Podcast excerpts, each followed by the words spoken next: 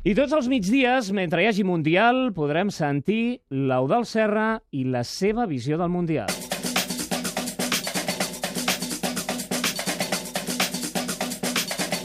El Mundial de l'Eudal. Eudal Serra, bona tarda. Bona tarda, Robert. El Mundial comença amb un Brasil-Croàcia amb el debut de l'anfitrió. En les 20 Copes del Món que s'han disputat fins ara, bona part dels partits inaugurals han tingut la presència de la selecció del país organitzador, però això no sempre ha estat així. De fet, durant gairebé 30 anys, durant 8 mundials consecutius, la competició no l'obria l'equip anfitrió, sinó el vigent campió del món.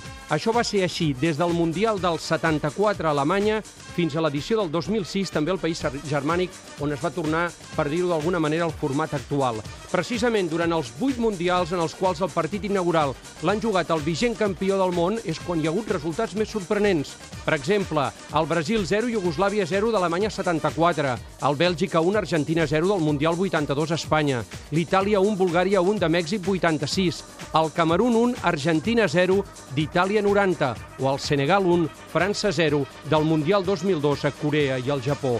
Uns resultats que demostren que l'equip que defensa el títol de campió del món normalment ho té molt complicat per repetir el títol al cap de quatre anys. De fet, l'última selecció a aconseguir-ho va ser el Brasil, que va guanyar consecutivament els Mundials del 58 i el 62.